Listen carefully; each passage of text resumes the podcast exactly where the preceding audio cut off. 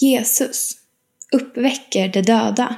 En artikel i serien Fokus Jesus av Anna Svan. Lukas evangeliet kapitel 7, vers 11 17.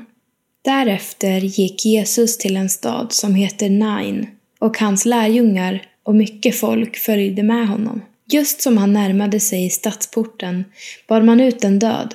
Han var sin mors enda son och hon var änka. En stor skara från staden gick med henne.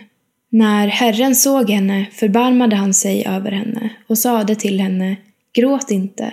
Sedan gick han fram och rörde vid båren. Bärarna stannade och han sade, unge man, jag säger dig, stå upp. Då satte sig den döde upp och började tala och Jesus överlämnade honom åt hans mor.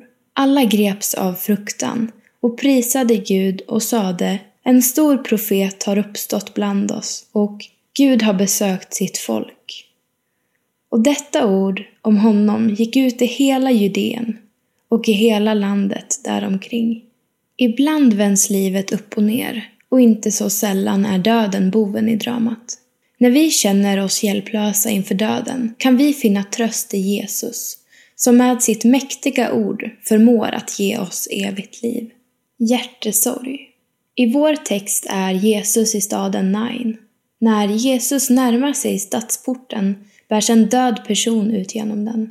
En ung man ligger död på en bår. Vi vet inte mycket om honom, men vi vet att det är en kvinnas enda son och att hans mamma tidigare har förlorat sin make. Säkert har hans mamma saknat sin man varje dag och säkert har sonen varit hennes glädje mitt i saknaden. Säkerligen har hon också känt en trygghet i att sonen ska finnas där och ta hand om henne när hon blir äldre. Nu har hennes älskade barn dött och ligger kall och livlös på en bår. Hur reagerar Jesus i mötet med hennes sorg och smärta? Bryr han sig? Ja, Jesus fylls av en djup medkänsla som känns ända in i hans mage. Jesus ser kvinnan och hennes smärta och han vill lyfta den av henne. Gråt inte, säger han. Överraskad av nåd. Vi vet inget om kvinnan och om hur hennes liv har sett ut. Vi får inte reda på att hon skulle ha gjort något speciellt som förtjänade att Jesus såg och brydde sig om just henne. Jesus ser henne och bryr sig om för att han är god, oberoende av hennes track record. Den unge mannen har varit utan puls och hjärnaktivitet en lång tid. Ingen medicinsk behandling då eller nu kan ge honom livet tillbaka. Men Gud, som gav liv åt universum och andades liv in i den första människan kan. Jesus är Gud, som blivit människa, och Jesus säger åt den unge mannen att han ska stå upp och plötsligt lever mannen igen. Jesus ord har liv och kraft och för att Jesus har sagt det lever den unge mannen igen.